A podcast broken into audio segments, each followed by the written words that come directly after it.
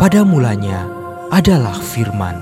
Firman itu bersama-sama dengan Allah dan firman itu adalah Allah.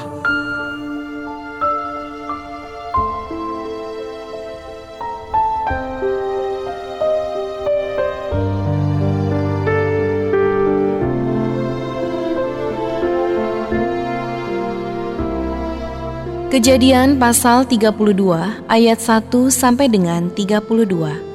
Yakub takut bertemu dengan Esau. Yakub melanjutkan perjalanannya, lalu bertemulah malaikat-malaikat Allah dengan dia. Ketika Yakub melihat mereka, berkatalah ia, "Ini bala tentara Allah." Sebab itu dinamainyalah tempat itu Mahanaim. Sesudah itu, Yakub menyuruh utusannya berjalan lebih dahulu mendapatkan Esau kakaknya ke tanah Seir, daerah Edom. Ia memerintahkan kepada mereka, "Beginilah kamu katakan kepada tuanku kepada Esau, beginilah kata hambamu Yakub. Aku telah tinggal pada Laban sebagai orang asing dan diam di situ selama ini. Aku telah mempunyai lembu sapi, keledai, dan kambing domba." Budak laki-laki dan perempuan, dan aku menyuruh memberitahukan hal ini kepada tuanku, supaya aku mendapat kasihmu. Kemudian pulanglah para utusan itu kepada Yakub dan berkata, Kami telah sampai kepada kakakmu, kepada Esau dan ia pun sedang di jalan menemui engkau, diiringi oleh empat ratus orang. Lalu sangat takutlah Yakub dan merasa sesak hati, maka dibaginyalah orang-orangnya yang bersama-sama dengan dia, kambing dombanya, lembu sapi dan untanya menjadi dua pasukan. Sebab pikirnya, jika Esau datang menyerang pasukan yang satu sehingga terpukul kalah, maka pasukan yang tinggal akan terluput.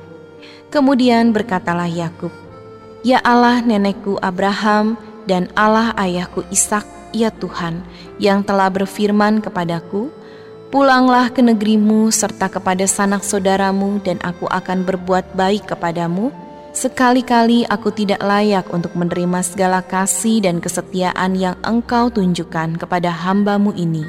Sebab aku membawa hanya tongkatku ini waktu aku menyeberangi sungai Yordan ini, tetapi sekarang telah menjadi dua pasukan. Lepaskanlah kiranya aku dari tangan kakakku dari tangan Esau, sebab aku takut kepadanya, Jangan-jangan ia datang membunuh aku, juga ibu-ibu dengan anak-anaknya. Bukankah engkau telah berfirman, tentu aku akan berbuat baik kepadamu dan menjadikan keturunanmu sebagai pasir di laut yang karena banyaknya tidak dapat dihitung. Lalu bermalamlah ia di sana pada malam itu. Kemudian diambilnyalah dari apa yang ada padanya suatu persembahan untuk Esau kakaknya yaitu 200 kambing betina dan 20 kambing jantan, 200 domba betina dan 20 domba jantan, 30 unta yang sedang menyusui beserta anak-anaknya, 40 lembu betina dan 10 lembu jantan, 20 keledai betina dan 10 keledai jantan.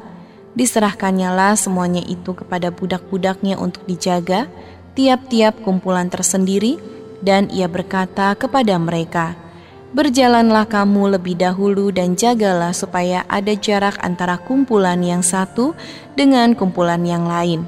Diperintahkannyalah kepada yang paling di muka apabila Esau kakakku bertemu dengan engkau dan bertanya kepadamu, siapakah tuanmu dan ke manakah engkau pergi dan milik siapakah ternak yang di depanmu itu?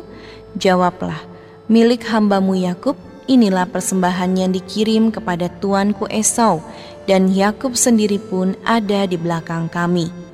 Begitulah diperintahkannya baik kepada yang kedua maupun kepada yang ketiga dan kepada sekalian orang yang berjalan mengiring kumpulan hewan itu. Katanya, seperti perkataanku tadilah kamu katakan kepada Esau apabila kamu berjumpa dengan dia. Dan kamu harus mengatakan juga, hambamu Yakub sendiri ada di belakang kami. Sebab pikir Yakub, Baiklah aku mendamaikan hatinya dengan persembahan yang diantarkan lebih dahulu, kemudian barulah aku akan melihat mukanya. Mungkin ia akan menerima aku dengan baik. Jadi persembahan itu diantarkan lebih dahulu, tetapi ia sendiri bermalam pada waktu itu di tempat perkemahannya. Pergumulan Yakub dengan Allah.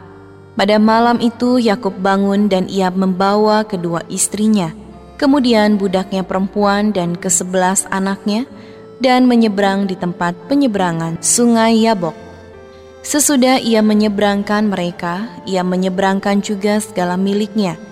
Lalu tinggallah Yakub seorang diri, dan seorang laki-laki bergulat dengan dia sampai fajar menyingsing. Ketika orang itu melihat bahwa ia tidak dapat mengalahkannya, ia memukul sendiri pangkal paha Yakub sehingga sendi pangkal paha itu terplecok ketika ia bergulat dengan orang itu. Lalu kata orang itu, "Biarkanlah aku pergi, karena fajar telah menyingsing." Sahut Yakub, "Aku tidak akan membiarkan engkau pergi jika engkau tidak memberkati aku. Bertanyalah orang itu kepadanya, siapakah namamu? Sahutnya, Yakub. Lalu kata orang itu, namamu tidak akan disebutkan lagi Yakub, tetapi Israel, sebab engkau telah bergumul melawan Allah dan manusia dan engkau menang. Bertanyalah Yakub, katakanlah juga namamu, tetapi sahutnya, mengapa engkau menanyakan namaku?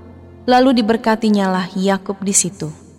Yakub menamai tempat itu Peniel, sebab katanya, Aku telah melihat Allah berhadapan muka tetapi nyawaku tertolong. Lalu tampaklah kepadanya matahari terbit ketika ia telah melewati Peniel dan Yakub pincang karena pangkal pahanya. Itulah sebabnya sampai sekarang orang Israel tidak memakan daging yang menutupi sendi pangkal paha karena dia telah memukul sendi pangkal paha Yakub pada otot pangkal pahanya.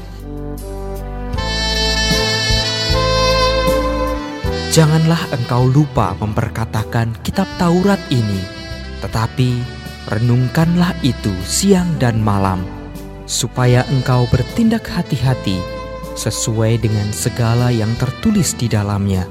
Sebab dengan demikian, perjalananmu akan berhasil dan engkau akan beruntung.